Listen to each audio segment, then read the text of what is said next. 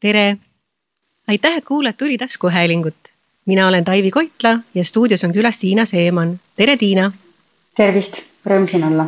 Tiina Seeman on Chief Culture and Human Resources Officer ProExpertis ja ProExpert on Eesti kapitalil põhinev ettevõte, mille põhitegevus on aidata ettevõtetel luua ja tarnida digiajastu tooteid ja teenuseid. ja ProExpert on inspireerivaid lahendusi pakkunud üleilmselt juba kakskümmend seitse aastat ent äh, täna me ei räägi nendest erakordsetelt, erakordselt põnevatest ja inspireerivatest lahendustest, äh, mida ProExpert klientidele loonud on. vaid vähemalt sama põneval kui veelgi põnevamal teemal, milleks on inimesed ja juhtimiskultuur. ning äh, Tiina, enne kui me sukeldume sügavustesse, siis vallatleme veidi ka pinnal, ehk siis räägime natukene ametinimetustest me puutume sageli Eestis kokku olukordadega, kus äh, eesti keeles ei ole jõudnud terminoloogia teatud valdkonda puudutavatele sõnastustele, eriti ärimaailmas puudutavale terminoloogiale järele.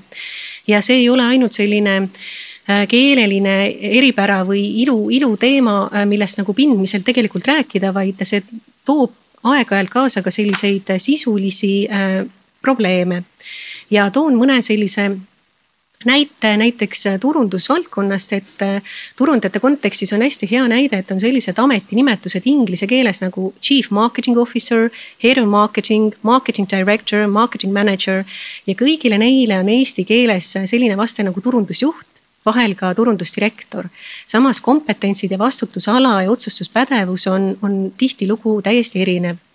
et kuidas, Tiina, on ProExperdis kogemus nende eestikeelsete ja inglisekeelsete vastetega ning sinu põnev ametinimetus Chief Culture and Human Resources Officer eesti keeles sobivalt kõlaks või kõlab mm? -hmm. hea küsimus, mul oli enne nüüd seda ametinimetust oli minu mm, ingliskeelne ametinimetus Engineering Excellence ja eestikeelne vaste sellele oli insenerikultuuri eestvedaja, justkui kaks täiesti erinevat äh, nimetust ja siis äh, ma äh, sellele eelmisele rollile samamoodi lõin sisu ise.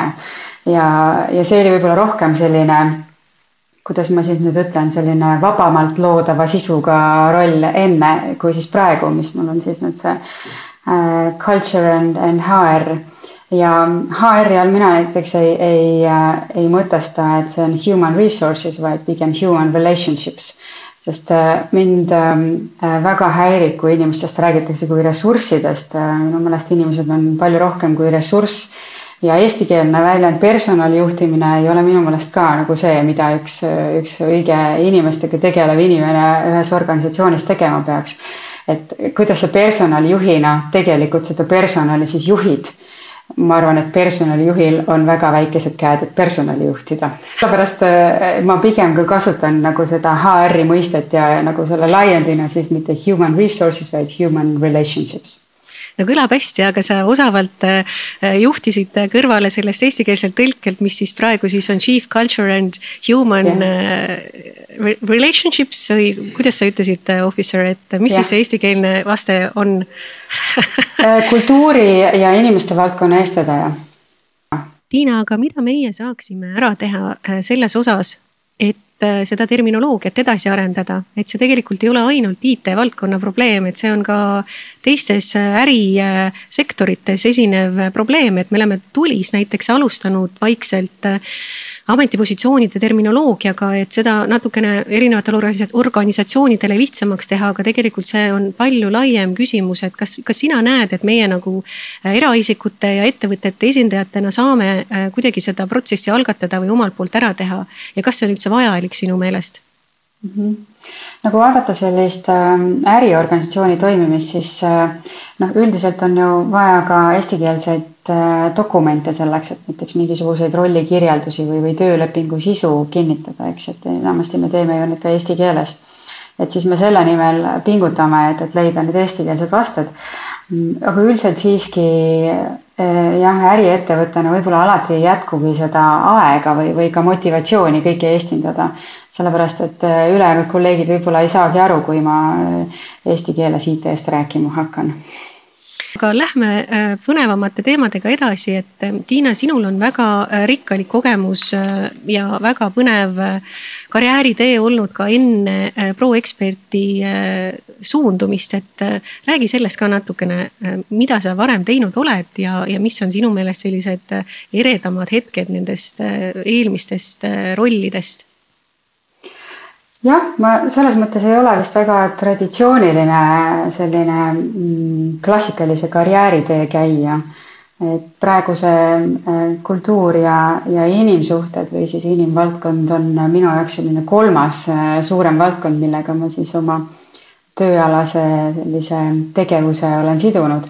et kõigepealt äh, ma alustasin, minu esimene töökoht oli EMT-s ülikooli kõrvalt läksin sinna infotelefoni ja arenesin seal oma, äh, oma tegemistega niimoodi, et siis äh, kui ma ükskord äh, mitmete aastate pärast lapsega koju jäin, siis, siis olin seal mitu aastat juba ka teenindusosakonda juhtinud, kus oli siis kuuskümmend, kaheksakümmend inimest, sõltuvalt siis vajadusest ja, ja, ja aastast. Ähm, ja kui siis äh, ma lapsega kodus olin, siis äh, hakkas minu esimene ümberõpe. Äh, läksin IT kolledžisse õppima infosüsteemide analüüsi ja mul oli selline selge visioon, et kui ma tööle tagasi lähen, siis ma enam teenindust ei tahaks teha, et tahaks teha midagi muud, ehk siis just IT-d ja ma mõtlesin just eelkõige selle peale, et, et, ähm, et IT sellel ajal noh, tegelikult juba on tükk aega olnud selline kasvav trend, et ükskõik mis äh, elukutse või rolli või eriala sa valid, siis need teadmised ei jookse kunagi päriselt nagu mööda külge maha, et isegi kui minust ei saa IT-inimest, siis vähemalt mul on mingi teadmine olemas sellest valdkonnast, mis tuleb alati kasuks. ja kui äh, ma siis äh, peale lapsega kodus oldud aega tagasi läksin, mõned aastad olid päris intensiivselt siis äh, tagasi minnes, et ma veel õppisin ja, ja läksin tegema siis ka uut tööd, et ma läksin siis osakonnajuhist tagasi spetsialistiks ja ja, ja IT-rakenduste haldusi hakkasin siis tegema. siis ma tahtsin olla ka samal ajal õpingutega selles samas valdkonnas sees ja, ja vaadata siis, kuidas ähm, noh, süsteemides asjad käivad, mitte siis minna kohe jälle juhtima ja, ja korraldama aga noh, see ikkagi lõppes lõpuks sellega, et äh, ma vahetasin ka töökohti ja, ja, ja siis minust sai ikkagi kas selle valdkonnas selline juht ja korraldaja või siis eestvedaja. ma ennast pean rohkem nagu, kui juhtimisest rääkida, siis kindlasti eestvedajaks, mitte selliseks äh, ülemuseks või, või, või bossiks või, või inglise keeles manager'iks. Chief'iks see on mingisugune teistsugune väljend juba hoopis jah. aga äh, jah siis IT-s, kui ma siis IT juhtimist ja, ja, ja selles valdkonnas sellist juhtimist ja korraldamist tegin, siis olin ma Eesti Energias sellel ajal, kui vabaturu arendusi tehti suure hoo ja, ja raginaga mitu aastat. siis äh, olin Bang Olufsenis, juhtisin äh, nende Eesti üksust siin ähm,, siis olin ka väikses startup'is äh, Pocopay äh, Äh, mis tänaseks on ühinenud hoopis äh, globaalsemate ettevõtetega mm. -hmm. ja, ja siis äh, jõudsin ProExperti. ja siin siis tegelikult ma ei olnud enam selline IT-juht selles klassikalises mõistes, et siis hakkas lahti rulluma hoopis teistsugune teekond ja nüüd ma siis olen vahetanudki täiesti äh, Äh, valdkonda, et ähm, ei tegele enam IT-juhtimisega, vaid olen liikunud hoopiski kultuuri ja, ja inimeste ja organisatsiooni sellise kui süsteemi arendamise poole. miks just ProExpert?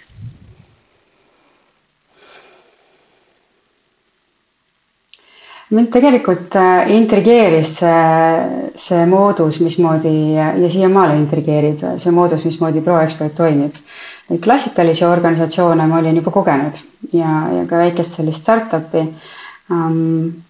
aga, aga ma ei olnud kogenud enne ProExperti sellist äh, käsitlust, et äh, targal inimesel ei olegi juhti vaja.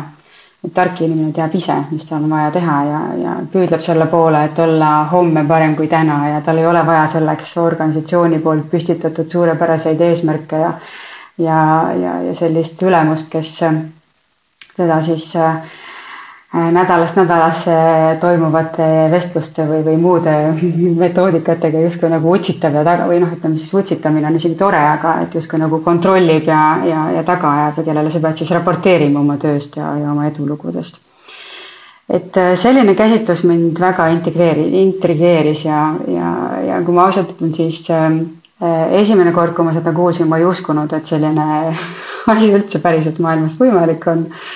Ja, ja siis mul võttis ka natuke aega, enne kui ma siis äh, sinna ProExperti tegelikult kohale jõudsin ja, ja vaatame siis, mismoodi asjad äh, toimuvad, kui ei ole ülemusi räägime sellest juhtide vabast organisatsioonist natukene lähemalt, et äh, kuidas see siis teie näitel toimib ja mis siis on sinu meelest holokraatia plussid ja miinused mm? -hmm. võib-olla alguses peangi ütlema, et ega meil ei ole sellist klassikalist holokraatiat kindlasti. Et ma arvan, et iga organisatsioon, kes oma kultuuri või toimimist mingil moel muudab, siis ta kindlasti ei järgi sada protsenti mingisugust üht või teist organisatsiooni käsitlust või metoodikat, et see holokraatia minu meelest on ka nagu vahend, et äh, midagi mm -hmm. siis organisatsioonile või inimestele pakkuda. aga kuidas ProExpert toimib igapäevaselt, äh, on siis nii, et äh, circa kaheksakümmend protsenti meie inimestest töötab arendusmeeskondades erinevate klientide projektidega ja nad on ise otse vahetuskontaktis klientidega. Et siis äh, seda arendustööd ei tehta nagu ülemuste vahendusel, vaid siis see arendustiim ise lepib kliendiga kokku järgmised tegevused, toimingud, äh, tähtajad, roadmap'id äh, iganädalaselt või siis üle kahe nädala, sõltub siis sellest, kuidasmoodi seda ähm, ütleme siis arendusmetoodikat tiimist tiimi tehakse ähm, siis toimuvad kliendiga siuksed, kas siis planeerimise või, või demod või, või retrod üritused. Ja, ja et siis äh, meie meeskond on tegelikult klientidel selline äh, nagu, nagu pikendus või et ei ole mingisugune eraldiseisev üksus kuskil mujal, vaid et äh, me oleme siis klientidel selline arenduspartner, kes ei ole küljes, ei ribu mitte juhtide pidi, juhti pidi selle, selle kliendi küljes, vaid siis inimeste pidi. ja kuna me kasutame tiimides sellist agiilset äh, tarkvaraarendusmetoodikat, siis see juba iseenesest nõuab sellist tihedat suhtlust ja, ja planeerimist ja, ja kooskäimist klientide kui tiimil omavahel. Ähm, ja meil on ülejäänud inimesed siis, äh, kes nüüd otseselt klienditiimides ei, ei ole, on äh, põhimõtteliselt tugifunktsioonid ja abiks selleks, et klienditiimid saaksid kas igapäevaselt rahus oma tööd teha näiteks raamatupidamine või siis, või siis värbamine või, või, või turundus. Ähm, et siis äh, need on, on tehtud teiste inimeste poolt ja organisatsiooni eestvedamine samamoodi, suuremate muutuste läbiviimine. Või siis ka tulevikupildi poole tüürimine on siis äh, nii-öelda nendes tugifunktsioonides või, või governance funktsioonides, meie jaoks sihuke tugi ja governance on suhteliselt sama. Ja, ja lisaks on meil tiimide juures ka sellised tegelased nagu AP coach'id, kes äh, siis vahetult inimeste, inimesi ja tiime toetavad, et kes siis äh, ühest küljest on sellised, ähm, äh, kui nüüd agiilsest tarkvaraarendusest rääkida, sellised nagu Scrum Masterid või Agile coach'id, kes aitavad tiimil oma rutiinid paika panna ja teisest küljest aitavad seda tiimi järjest ütleme siis paremale koostööle suunata ja parematesse protsessidesse ja teine oluline osa nende tööst on siis ka inimeste endi coach imine ja nõustamine ja toetamine nende inimeste teekondadel te,, töötaja teekonnal siis. ja igal tiimil on tegelikult oma eestvedajad, et ähm, moel või teisel, on see siis äh, kas tehniline liit selles tiimis või on see siis product owner või on see keegi teine, aga igal tiimil on tavapäraselt oma eestvedaja ja samamoodi on ka igal valdkonnal siis äh, organisatsioonis oma eestvedaja, nagu mina siis olen ähm, kultuuri ja, ja inimeste valdkonna eestvedaja. kas sa näed selles, ähm, selles ka äh, miinuseid? Muidugi, selles mõttes, et äh, igal süsteemil või igasugusel kooslusel on äh, alati nagu kaks poolt on mündil, eks ju mm. -hmm. et äh,, et üks pool on see, et kindlasti sellisel setup'il või sellisel kooslusel või sellisel toimimisel on see positiivne pool, et on, on palju vabadust. aga sellega kaasneb ka vastutus. ehk siis ähm, äh, meile ei sobi kindlasti kõik inimesed tööle, sellepärast et äh, kui inimene näiteks ei oska vastutust võtta või ta on harjunud sellega, et ülemus vastutab tema eest, siis noh, meie organisatsioonist jääb ilmselgelt hätta, sest keegi ülemus ei vastuta tema eest.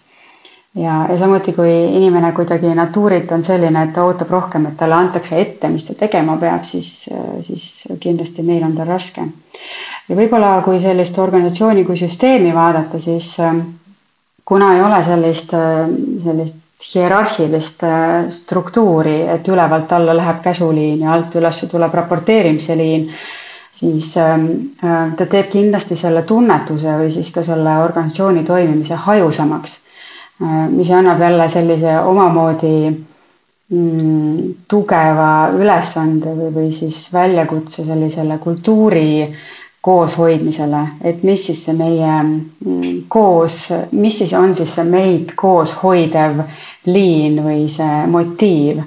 et kui see ei ole see ülemus ja tema ülemus ja nii edasi, et mis meid siis seal nii-öelda vabatahtlikult äh, vastutuse ja, ja, ja vabaduse kompotis siis koos hoiab ja see on ka siis ajas muutuv, et kuna praegu on hoopis teistsugused ajad, siis, siis on pidanud ka seda kõvasti nagu ringi mõtlema või vaatama.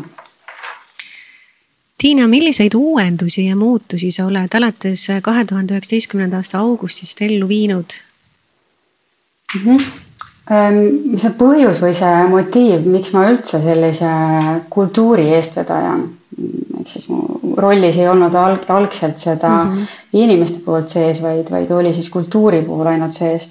et miks ma selle, selle ülesande, ma võtsin selle rolli ülesandega ja see ülesanne oli siis see, et et äh, kirja panna, mis meie kultuur on. me olime sellel aastal väga palju laienenud inimeste mõttes, kasvanud suuremaks.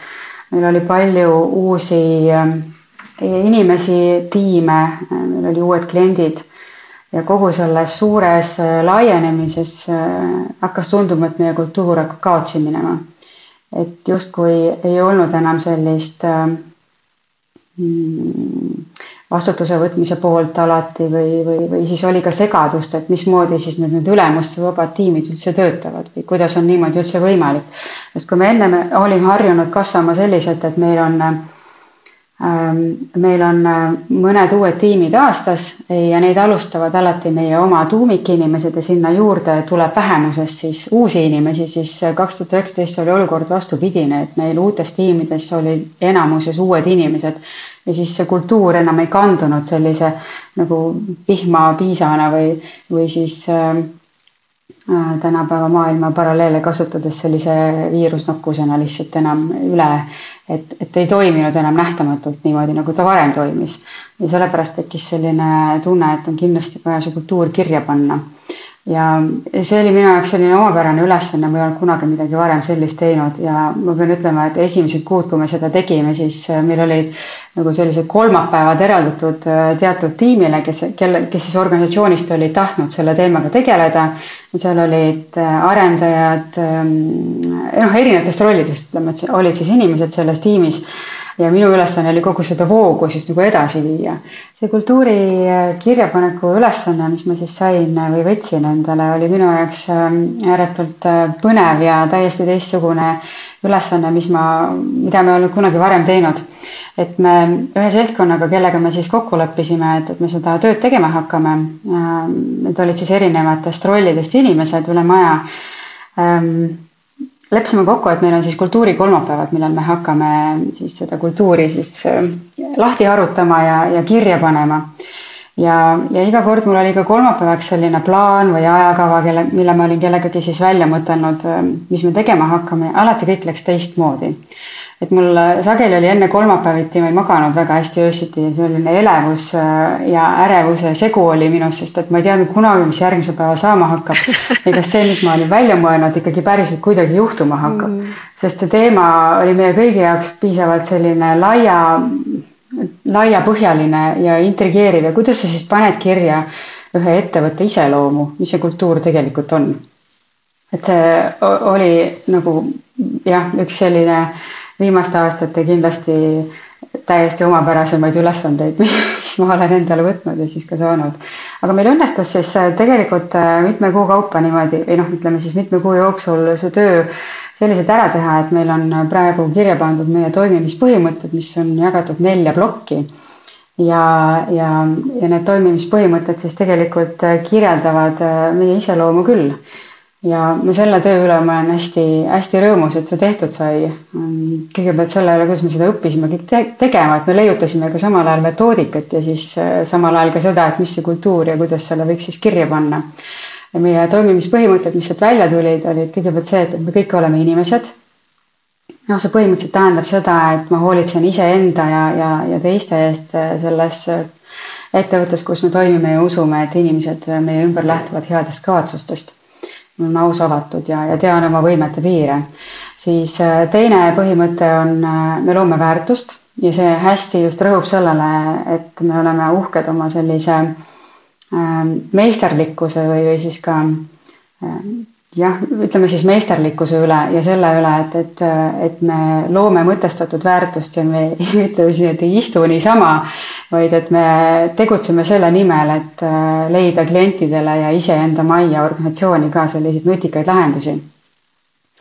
Äh, siis kolmas põhimõte on see, et me toimime kogukonnana ja siin me rõhutame just seda, et, et me teemegi teadlikke tegevusi selleks, et teisi oma tiimis ja kogukonnas toetada ja me oleme ühise asja eest väljas ja me toimime sarnaselt igasugustes erinevates rakkudes, mis meil on ju ka erinevad kontorid, neli tükki üle Eesti, aga siis ka veel erinevad tiimid. ja, ja viimane toimimispõhimõte, mis tegelikult seob ka selle kõik kokku, on see, et, et mina olengi juht Äh, et siis tegelikult meil ettevõttes me küll ütleme, et meil ei ole ülemusi, aga, aga meil iga inimene on juht, sest et ta vastutab enda eest ja juhib enda tegevusi ise. Ja ta vastutab nii enda kui iseenda tiimi tulemuste eest ja mis tähendab siis tegelikult päris sellist ähm, vajalikku oskust olla siis nii, äh, nii iseenda aja kui töö planeerimise kui, kui tulemuste äh, presenteerimise ja valmissaamise juht kust te leiate neid äh, sobivaid äh, talente või siis neid iseseisvaid juhte, et mil moel proekspert äh, värbab või, või talente otsib mm? -hmm. no me otsime selles mõttes ikkagi inimesi. Et ma natuke, võib-olla mu peas tõrgub ka selline väljend, see, see talent mis minu jaoks justkui nagu jaotab inimesed talentideks ja mittetalentideks mm. -hmm. noh, mis mõnes mõttes ju võib ka ju nii olla, et osad inimesed on sündinud teatud paketiga ja teised on teistsuguse paketiga sündinud, aga ma arvan, et iga inimene saab oma kaasasündinud paketti kuskil rakendada. no see ja... võibki ju tähendada seda, et kõik ongi talendid lihtsalt erinevates aspektides. täpselt et täpselt ja, ja, ja meie siis otsime neid inimesi, kes meie ettevõtte kultuuri sobivad, et see on üks hästi oluline äh, Äh, oluline aspekt, et äh, meil on vaja sellist teatud tüüpi küpsust inimestel ja, ja juhtimisoskust, siis iseenda juhtimisoskust ja sellist suhtlemis ja, ja ütleme ähm, oma tiimi ja kogukonnaga koosmineku oskust, et, et koos tegemise oskust kindlasti. ja põhimõtteliselt me otsime neid Eestist, me otsime neid ka mujalt, me oleme neid ka ümber, äh, ütleme siis eesti keeles, kuidas see nüüd ongi siis meie juurde on tööle tuldud teistest riikidest, nii et tullakse ka Eestisse elama. ja, ja praegu samamoodi, noh, ma arvan, et tulevikus trend on järjest rohkem selline, et, et vahet ei olegi, kus see inimene tegelikult ise elab, aga et ta töötab siis kuhugi sellisesse ettevõttesse, kus, kus siis tingimused on sobivad, et on see siis kultuur või ajatsoon või või, või mis iganes sellele inimesele vajalik ja oluline on, et, et juba me siin Eestis ka näeme, et, et kontoris ju inimesed väga äh, ei käi, sellepärast et äh, noh, me ei taha ka ise neid suuri kogu, kogunemisi, sest et riskid on suured haiguste mõttes ja ja, ja me tegelikult olemegi juba praegu remotely või siis nagu kaugelt töötav äh, ettevõte. aga siis sinna juurde lisada veel ka teised inimesed mujalt riikidest ja teistest kultuuridest on kindlasti selline järgmine samm, mida siis äh, täiesti julgelt hakata tegema ka kui nüüd minna natukene mm, tehnilisemaks, et äh, milliseid kanaleid te kasutate inimeste leidmiseks? Mm? -hmm meil on äh, nagu ikka, tarkadel või sihukestel nutikatel värbajatel on väga erinevad kanalid, kõigepealt muidugi meie oma majasisesed inimesed, kes äh, soovitavad teisi inimesi äh,, oma kolleege või, või, või siis tuttavaid või, mingisuguseid muid toredaid tegelasi, kellega neil on omal nagu kokkupuude olnud siis äh, loomulikult äh, kasutame ka igasugust sotsiaalmeediakanaleid ära, siis on äh, nagu erinevad portaalid, kus kuulutused on üleval mm,. siis nii Eesti kui, kui ka mujale ulatuvad portaalid. ja muidugi meie endised töötajad on loomulikult need, keda me tagasi tahame kutsuda ja, ja igasugused tegelased, kes meil on silma jäänud siin ja seal et äh, ma arvan, et, et värbamise sellist äh, noh, nutikust äh, on igal, eriti IT-ettevõttel praegu vaja, kellel on töökäsi tohutult puudu ja noh, siin Eestis igasugused uuringud ju näitavad ka, et mitmekümneid tuhandeid on tegelikult neid tehnoloogia inimesi juurde vaja, et siis kõik leiutavad enda jaoks midagi toimivat. Kui sage on teie juurde tagasitulek, et sa just märkisid, et endisi töötajaid proovite ka tagasi meelitada, et kui tihti see siis õnnestub? vahel õnnestub Äh, täiesti praegu ma tean umbes nelja inimest, äh, kes mm. meil praegu töötavad, kes on äh, teinud väikse proeksperdi pausi ja, ja siis tulnud tagasi mm. -hmm. Et see ilmselt sõltub paljuski sellest ka, kuna me tegelikult soovime seda, et inimesed saaksid ennast meie organisatsioonis realiseerida ja läbi selle siis ka ettevõte saab kogu tervikuna ennast realiseerida, et see ei ole siis nagu rõhuasetusega ainult sellele, et, et inimestel oleks hea ja, ja õnnelik koht kus töötada, vaid et siis see, see väärtus sealt vastu inimestelt peaks ka tulema selline, et ettevõte siis saab läbi selle nagu tervikuna jõudsamini edasi minna. et kui tekib see moment inimestel, et äh, meil on midagi sellist läbi, läbi ka siis mingi uue rolli või väljundi või läbi uue tuleva näiteks suurema töö on võimalik ennast realiseerida, siis, siis nad ikka tulevad tagasi muidugi väga tore kuulda, see ei ole tegelikult üldse nii levinud, kui tundub, et, et millegipärast ei, ei, ei minda tihti tagasi ettevõtetesse, kus ollakse juba töötanud, et see on, see on hästi tore aga sa mainisid ka seda, et digiettevõtted kasutavad aina nutikamaid lahendusi inimeste värbamiseks, et ähm, kas te olete kasutanud ka või kasutate näiteks äh, värbamisroboteid, et ma ei mõtle nüüd siin mingisuguseid selliseid keerulisi algoritme, vaid, vaid konkreetselt näiteks selliseid vestlusroboteid, kus äh, toimubki selline vastastikune eelvalmistatud dialoog, kus, äh, kus saab kiiresti edasi navigeerida potentsiaalne äh, uus töötaja, anda oma tagasisidet, mis ta arvab ettevõtte kultuurist, saab kohe info omalt poolt vastu, omale vastu, et mis, mis siis on näiteks proeksperdi seisukoht, et kas te sedalaadi roboteid ka kasutate? mm. -hmm. veel mitte, äh, ma olen mõelnud küll selle peale, praegu ei ole veel sinna jõudnud, aga ma üldse ei välista, et sinna jõuame ka tead, ma räägin sulle oma isiklikust kogemusest, kusjuures, et äh, need on täiesti geniaalsed äh, nähtused. et mind ennast eelmise aasta alguses võrgutati sõna otseses mõttes tänu sellele värbamisrobotile ära. Et ma avastasin kusagilt ühe ettevõtte, mis mulle kohutavalt huvi pakkus, et ma ei olnud selle ettevõtte nime varem kuulnud. Ja läksin nende veebilehele ja veebilehel esimene asi, mis oli, oli eelseadistatud värbamisrobot ja kohe hakkas dialoog pihta, kus siis küsiti minu kohta, et kes ma selline olen, milline juht ma olen, milline, millist ettevõtte kultuuri ma eelistan, aga mis oli seal positiivne, oli see, et ma sain seal valida variante või siis äh, avatud vastuseid kirjutada, aga ma sain kohe ka tagasiside, et mis siis selle ettevõtte seisukoht on. ehk siis ei olnud selline ühepoolne andmete edastamine, vaid toimus selline äh, eelseadistatud dialoog ja ma olin sellest nii vaimustunud ja ma ei saanud aru, miks, miks, miks kõik ettevõtted seda ei kasuta, sest et see on äärmiselt ajasäästlik ja hästi äh, positiivset emotsiooni andev lahendus, et et ja ma loodan, et te jõuate selleni ka, ma võin pärast sulle vihjeid anda, kus, kus, kus neid häid tehnoloogiaid saab väga tore. et mitte ise hakata, et mitte ise hakata nullist ehitama, et aga siit ongi hea edasi minna Äh, väärika värbamise juurde, et ähm, täna tundub, et on ikkagi suuresti ettevõtetesse, ettevõtetesse inimeste leidmine äh, tööandja poole kaldu. ehk siis töötajalt, uuelt töötajalt oodatakse hästi suurt panust, hästi suurt ettevalmistust, aga tihtilugu ei anta kuni lõppfaasini täpsemat infot, et mida see töö siis tegelikult sisaldab, milline on siis näiteks äh, saadav töötasu ja nii edasi, et. et kuidas on sinu äh, seisukoht ja nägemus sellest väärikast värbamisest ja kuidas proekspert toimetab, et mm. -hmm ma selles mõttes ma olen nõus, et äh, ma olen ju isegi olnud värbamisprotsessides sees ja, ja kui ikkagi alguses kohe väga teada ei saa, mis selle töö sisu võiks olla, siis see, see on ikka päris häiriv. ja, ja meil on nüüd niimoodi, et, et me kõigepealt äh, esimese vooruna tavaliselt teeme sellise intervjuu, kus me räägime palju kultuurist, proovime aru saada nagu küsimuste-vastuste ja, ja siis omapoolse sellise kultuuri avamisega, et, et, et milline kultuur või milline keskkond, töökeskkond siis sellele potentsiaalsele meie tulevasele töötajale tegelikult sobib.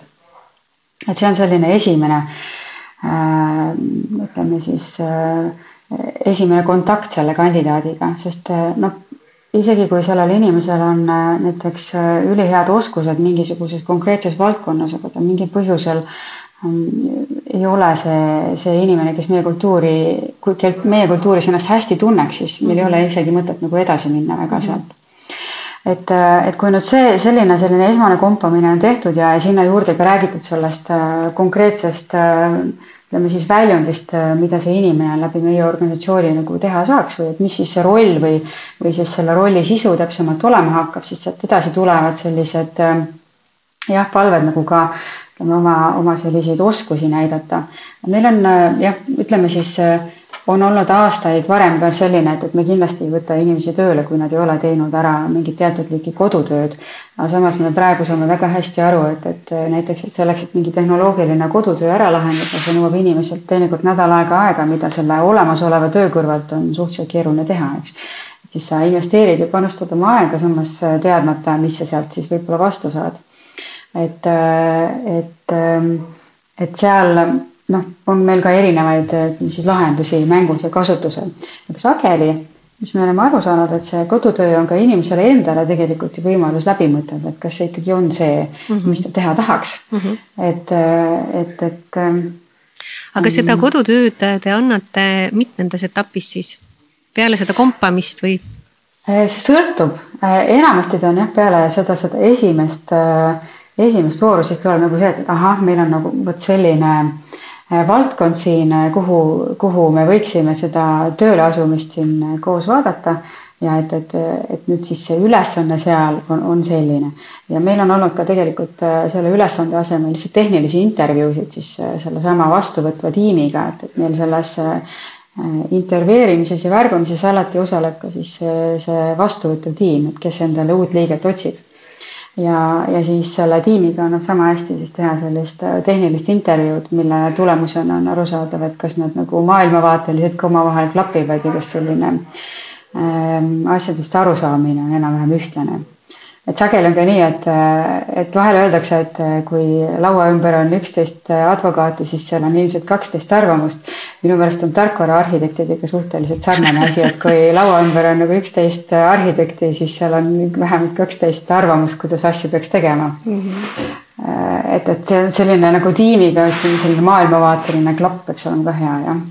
ja sellepärast meil kindlasti on ka tiimidega intervjuu kui äh, tihti ja kas üldse oled kokku puutunud selliste olukordadega, kui sulle satub äh, silma või ette või oled ise kogenud seda, et äh, esimeses etapis, kui on näiteks mitte siis e-hunting'u kaudu suunatud otsing, vaid on näiteks avalik tööpakkumine ja seal on kohe kirjas mahukas materjal, mida lisaks siis oma CV-le, motivatsioonikirjale tuleks esitada, noh stiilis märkasin just mitte väga ammu, kus oli vaja esitada kogu aasta äri äh, eesmärkide plaan äh, ja kuueleheküljeline essee äh, esimeses etapis. et kuidas sina sellesse suhtud, et kas see on ikkagi nagu tasakaalukas värbamismeetod, on see nagu õiglane mõlema osapoole suhtes ja oled sa siis kokku puutunud ise ka selliste nähtustega mm? -hmm. olen ikka kokku puutunud um,. ma arvan, et ikkagi ütleme siis kuidagi sellisem sujuvam või siis ka mõlema poole sellist aega ja, ja austav on ilmselt ikkagi see, et kõigepealt räägitakse ja siis mm -hmm. tekib selline arusaam, kas tekib üldse huvi või vastastikune selline äh, soov edasi vaadata, kas sellest kandideerimisest on asja, seda ühelt poolt. Ja teiselt poolt, et kui esimesse vooru lisatakse selline barjäär, ega siis ilmselt on neid kandidaate väga ei ole minul on aeg-ajalt juba barjääri tekitanud see, kui keegi palub mul saata äh, äh, PDF-ina või siis mingi failina oma CV ja ma küsin, et aga et mul on kõik seesama materjal, mul on tegelikult LinkedInis olemas ja siis ma saan vastuseks selle, et tegelikult meil oleks ikkagi seda CV-d vaja, siis ma alati mõtlen selle juhul, et mm -hmm, aga et siis kas see on see organisatsioon, kus ma tahaksin töötada, kes ise ei suuda nagu otsida internetist. kui ma ütlen neile, et, et mu LinkedInis on kõik info mm -hmm. up to date olemas ja ma võtaksin sealt lihtsalt copy paste ja dokumendi tegemise jaoks, et.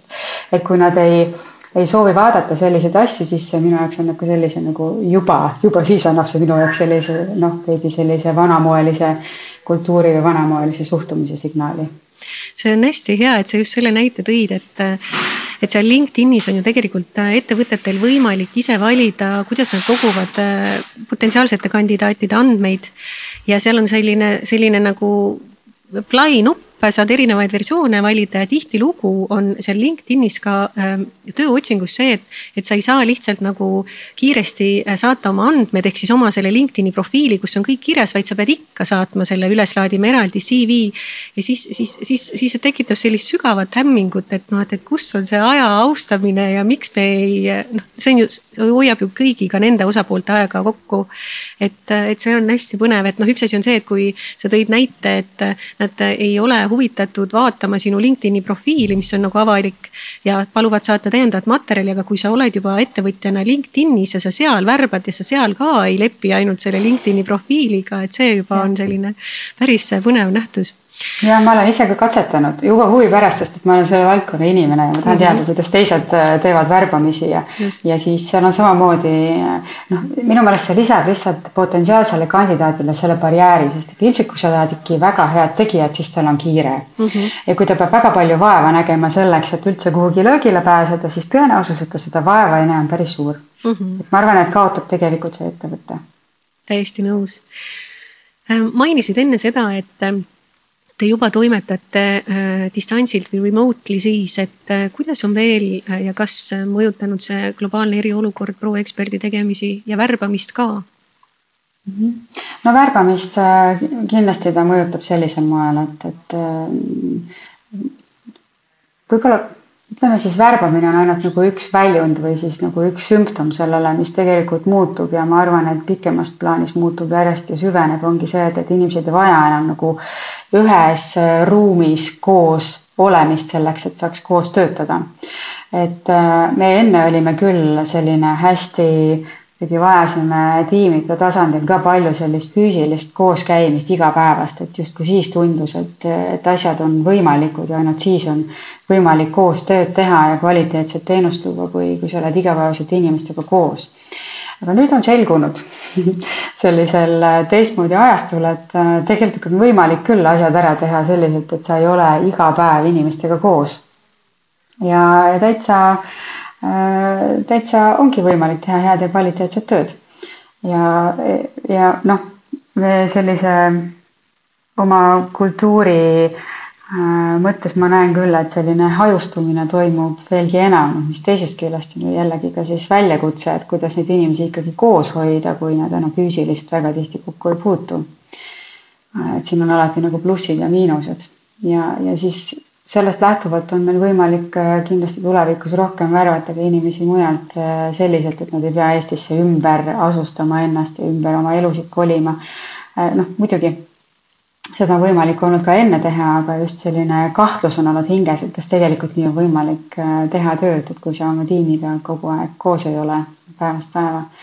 et nüüd tegelikult elu näitab, et on võimalik küll teha. üks asi muidugi, mis sellise hajusa töö juures on Äh, on see, millest võib-olla nagu kõige rohkem peale sellise sotsiaalse õlgõla kõrval tunde me puudust tunneme. ma arvan, on see, et, et ähm, kui sul on võimalik sellistel ähm, nagu eksprompt hetkedel või planeerimata hetkedel teineteisega rääkida, siis aeg-ajalt tekib väga-väga vajalikke teistmoodi probleemi lahenduse ideid. et justkui nagu see impromoment jääb ära ja see on see, millest ma ise ka puudust tunnen, et, et pole sellist noh, sellist nagu improvisatsiooni džämmimist või või sellist muusikalist mm -hmm. väljendit siin kasutada, et muidu kõik on nagu planeeritud, nagu mm -hmm. teed oma sellised äh, kirja pandud noodid äh, seal koosolekutel äh, toimetad ära ja, aga et kui see impro või siis selline nagu äh, lihtsalt tekkinud asi, kus see on, et seda, seda ma tunnen ka, et, et on vähe ja, ja ma arvan, et pikas perspektiivis ta tekib ka. et kas mingid koosolekud jäävad pikemalt kestma või nii, aga sellega võib-olla läheb natuke veel aega, enne kui inimesed online'is nii palju avanevad või, või omavahel rääkida tahavad või isegi jaksavad läbi nende online vahendite mm. -hmm selle eriolukorraga äh, ja äh, distantstööga siis on äh, väga palju erinevaid probleeme ilmnenud, mida võib-olla ei teadvustatud, mis on tegelikult alati olnud, aga võib-olla ei ole nii jõuliselt esile tunginud, on näiteks töötajate või tiimi inimeste selline vaimne heaolu ja vaimne tervis, et. et paljude jaoks on ikkagi selline pidev üksi kodukontoris istumine, selline vaimselt suuri väljakutseid nõudev tegevus, et proekspert on küll oma kultuurilt selline äh, tugevate ja iseseisvate ja, ja vastutusvõimeliste inimeste äh, organisatsioon, aga kas, kas oled täheldanud ka teil äh, selles kontekstis selliseid olukordi ja kuidas te saate siin abiks olla või mis lahendusi te olete välja mõelnud või, või kuidas teie seda ohjate või haldate mm -hmm. või suunate? jah, ka üks meie toimimispõhimõtetest kultuuris on, siis me oleme kogukond, mis tegelikult tähendab sellist ühtsustunnet mm -hmm. ja sellist äh, vajalikku äh, õlg-õla toetust ja, ja, ja, ja noh, lisaks sellele sotsiaalsele poolele kindlasti ka professionaalne toetus mingil täiesti tugeval määral. Mm, ja loomulikult need laused, et ma tunnen teistest puudust, ma vajan inimesi enda ümber, kus on minu inimesed et äh, muidugi oleme neid lauseid kuulnud, ma olen isegi neid välja öelnud, et äh, ma ise samamoodi kogu selle eriolukorra kehtestamise alguses kõige suurem, äh, kõige suurem väljakutse minu jaoks oli see, et ma ei näe seda tiimi, ma ei ole nendega ühes ruumis. ma ei, noh, tegelikult sa näed ekraanilt ainult nii palju, aga ma olen harjunud nende kehakeelest palju rohkem välja lugema. Ja see ülejäänud info siis online kanalitest juurde tekitamine, mis muidu sa näed ära mingisugusest kehakeelest või millestki muust või loed kuskilt ridade vahelt välja, siis seda äkki ei olnud, et minu jaoks oli väga suur muutus. ja, ja, ja selles suhtes, mis me nüüd teha saame, et, et sellist sügavat üksildustunnet või, või noh, mis puudutab nüüd neid inimesi, kes näiteks elavadki üksinda või siis näiteks meil on ka ju palju peredega inimesi, kellel on kodus töötamine juba sellepärast raske, et äh, on lap, väiksed lapsed ja, ja kõik see tööle keskendumine on omaette kunst. et, et siis selleks, et, et neid inimesi nagu ikkagi tiimidega kokku tuua, me organiseerime tiimide kaupa ikkagi selliseid äh, kas väljas käimise üritusi, mis siis toimuvad õues näiteks või meil oli eelmisel nädalal just Laterna matk Kadriorus mm., kus, ähm, kus me koos olime ja meil on näiteks praegu selline äh, proeksperdi selline sammude välja, challenge eesti keeles see kõlab, inglise keeles, kuna me kasutame inglise keelt äh, töö mõttes nagu organisatsiooni sisene, sisese keelena, sest meil ei ole kõik inimesed eesti keelt valdajad, siis meil on pro step challenge, et me siis veebruaris nüüd käime nii palju, nii palju samme kui vähegi võimalik ja meil on siis seal individuaalsed ja tiimide kaupa osavõtjad ja et ähm, midagi see ikkagi toob ja, ja meil on näiteks ka olemas selline mm, nuputamisõhtu kord kuus Pro Quiz, mis on kestnud juba enne nüüd siis, äh, kui meil see remote periood mhm. algas nüüd see kestab ju edasi, aga nüüd ta siis on nagu Teamsis ja sellise äh, online äh, lahendusena, et meil on ikkagi neid üritusi on, mis niimoodi selliselt üle maja inimesi kokku liidavad, noh muidugi selliseid formaalseid üritusi on samamoodi, kus me infot jagame, aga aga neid üritusi on ja ühest küljest siis see aitab ja teisest küljest on meil siis, ma juba enne ka mainisin, et meil on organisatsioonis sellised inimesed nagu agile people coach'id ehk siis AP mhm. coach'id ja ja nende noh, üks ülesannetest ongi ka seda tiimi ütleme siis tunnetust või inimeste tunnetust seal tiimis pidevalt nagu kraadida, et kui tundub, et oleks vaja nad kuidagi tööväliselt kokku tõmmata, siis selleks saab kasutada kas siis sedasama Teamsi online vahendina näiteks, et tehakse siis mingisuguseid äh, ma ei tea, lauamänguõhtuid või siis äh, kohvijoomishommikuid või, või, või siis minnakse hoopiski õue midagi, kas siis matkama või midagi konkreetsemat tegema sinna, et, et et kui kuskil tiimis tundub, et äh, on see vajadus kokku saada, siis, siis neid üritusi tehakse, seda tehti juba enne, aga nüüd siis, nüüd siis tuleb valida seda keskkonda, kus neid üritusi teha. Mm. -hmm kuidas proekspert veel oma töötajaid motiveerib?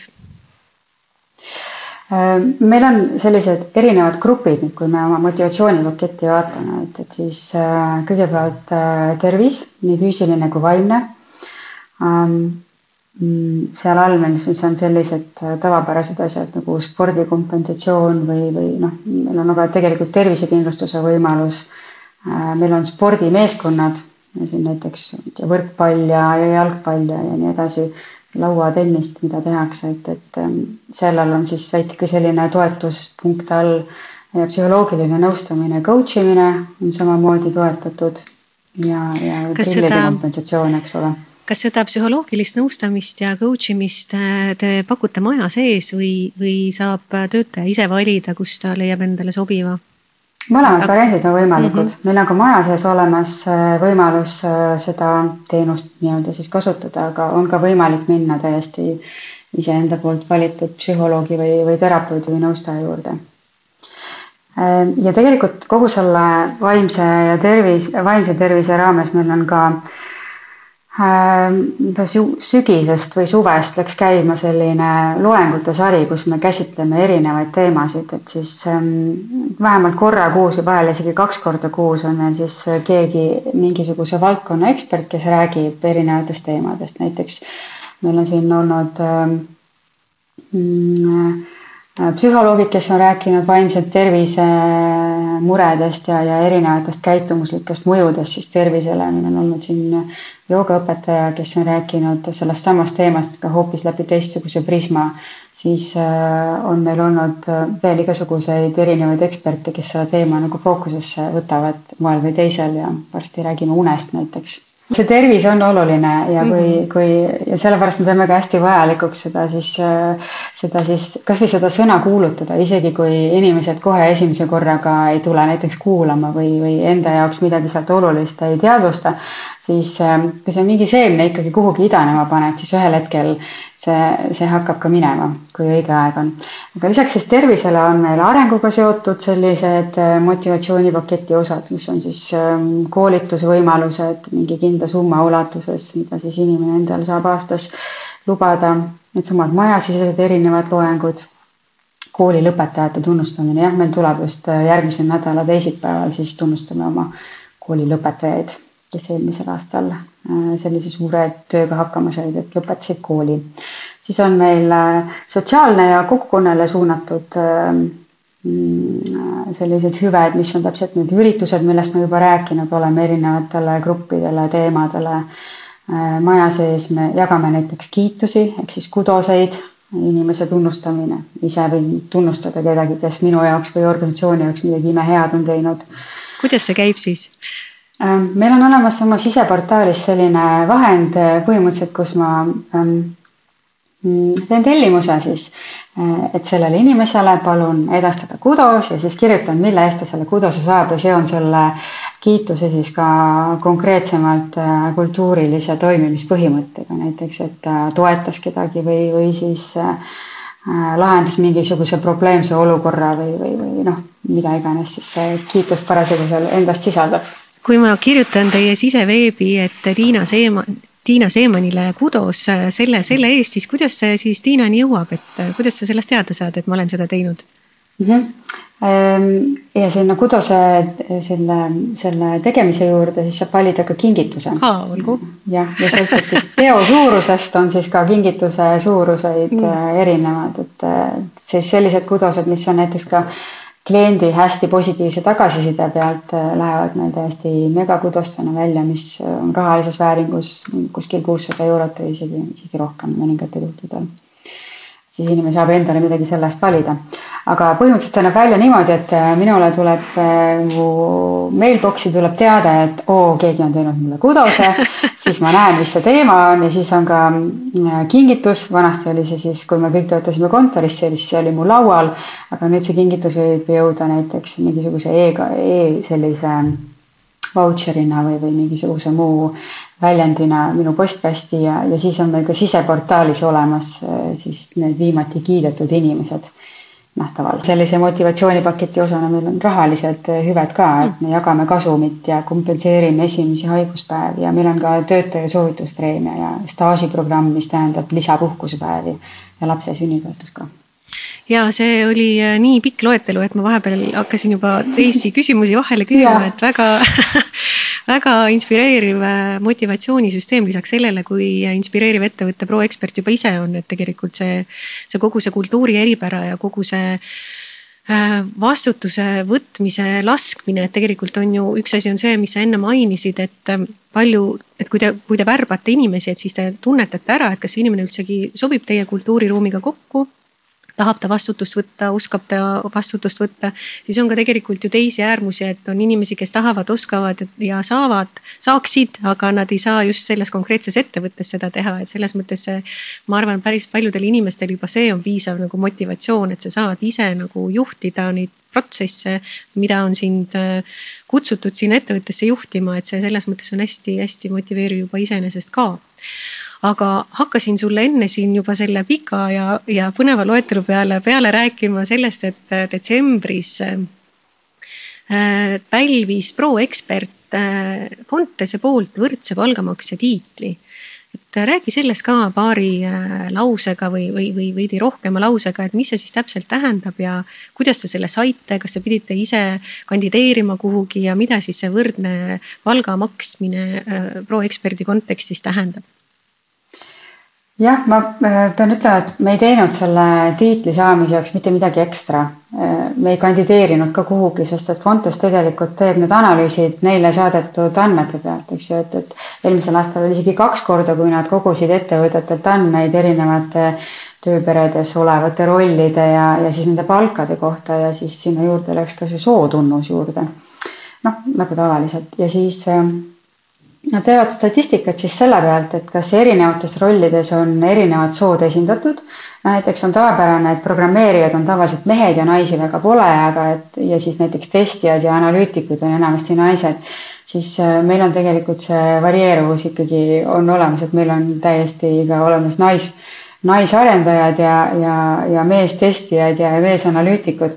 ja ilmselt see siis andis nagu sinna tööperedesse piisava signaali, et, et, et on eri, erisused olemas ja selline mitmekülgsus tagatud ja lisaks siis sinna juurde, et siis me maksame siis nii meestele kui naistele samadel ametikohtadel, samadel tasemetel võrdset palka.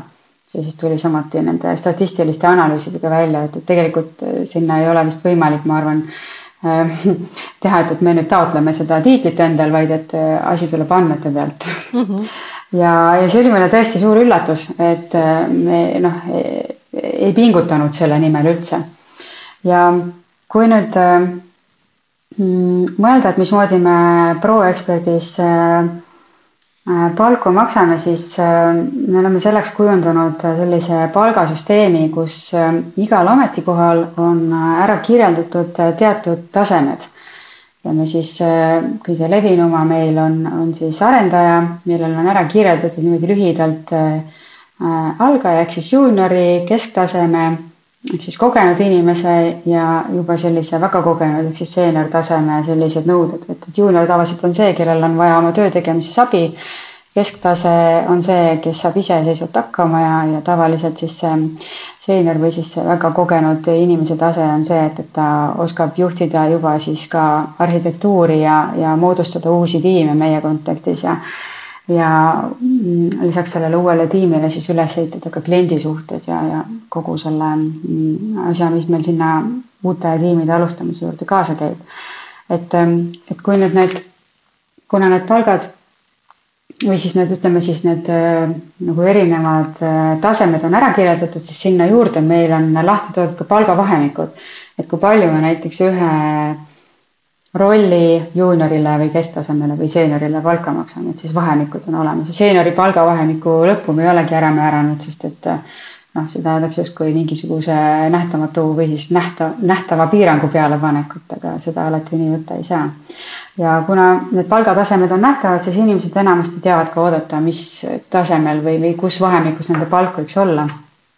ja meie palga tõstmine või siis jah, käib nagu kahte moodi, et inimene ise võib algatada enda palga tõstmise läbirääkimised, ähm, mille tulemusena siis tema kohta küsitakse tiimist tagasisidet ja, ja siis vaadatakse, et kuhu ta siis oma sellistelt oskuste ja, ja hakkamasaamise tasemed paigutub. Ja sinna lisaks siis sellistele tehnilistele oskustele küsitakse kindlasti ka juurde, et kuidas tal sellised äh, ütleme siis ähm, meie erisusest tulenevad oskused on, mis puudutavad koostööd ja iseseisvust ja sellist vastutuse võtmist. ja kui sealt siis andmed on olemas, siis saame teha juba uue palgaettepaneku inimesele. aga muidu regulaarselt me vaatame kaks korda aastas ka ise inimeste palku üle mm, ja siis teeme siis samamoodi tiimides sellise kompositsiooni pildistuse, et, et meil on näiteks üks tiim, kellele me tahame palgatõusu teha, siis me ähm, palume siis selle tiimi olevad äh, seenior inimesed või siis jah, ütleme siis eriti kogenud inimesed, teha siis selle tiimi kaardistuse, et kes, kus, mis tasemel seal on, et kes on eestvedajad, kes tulevad järgi ja keda on vaja järele aidata, noh siis mingisuguste kas oskuste või mingisuguste suhtumiste tõttu siis selle tiimile küsime tagasisidet veel ka teistelt inimestelt, kes nendega koostööd teevad, selle tiimiga. ja niimoodi põhimõtteliselt iga tiimi kaupa me teeme sellise kaardistuse ära ja tekib siis selline sulandatud pilt niimoodi sellest tiimist. ja, sealt siis on see juba võimalik omakorda taandada ära nendele äh, rolli tasemetele ja sealt siis omakorda on siis võimalik juba ära taandada siis palka. Ja sealjuures me kunagi ei vaata seda, et kas tegemist on mehega või naisega või tegemist on inimesega. Ja siis äh, palka me tõesti maksame siis äh, oskuste ja suhtumise mm -hmm. ja töö tegemise eest mm. -hmm väga põnev vestlus on olnud. Äh, tahaksin tegelikult sinuga siin vestelda mitte tundide, vaid kuude kaupa. ja loodan, et, et et, ProExpert tuleb meie stuudiosse peagi tagasi ja räägib ka nendest väga põnevatest lahendustest, mida tegelikult te üle maailma loonud olete ja mida te klientidele pakute. et see on ka tegelikult asi, mida võib-olla laiem üldsus ei tea, et ainult valdkonna inimesed on vaimustunud sellest, mida te tegelikult korda saadate, et loodan, et tulete peagi meile siia tagasi ja kindlasti ja kuna meie kliendid on valdavas osas ka väljaspool Eestit, siis võib-olla ka sellepärast ei ole Eestis mm -hmm. sellist üldist teadmist nii palju, et, äh, et meil on tõesti huvitavaid asju käsil. Äh, suur aitäh sulle selle aja eest. aitäh kutsumast. Mina olen Taivi Koitla, stuudios oli Tiina Seeman. aitäh, et kuulasid Tuli taskuhäälingut. salvestus toimus kahekümne kolmandal veebruaril kahe tuhande kahekümne esimesel aastal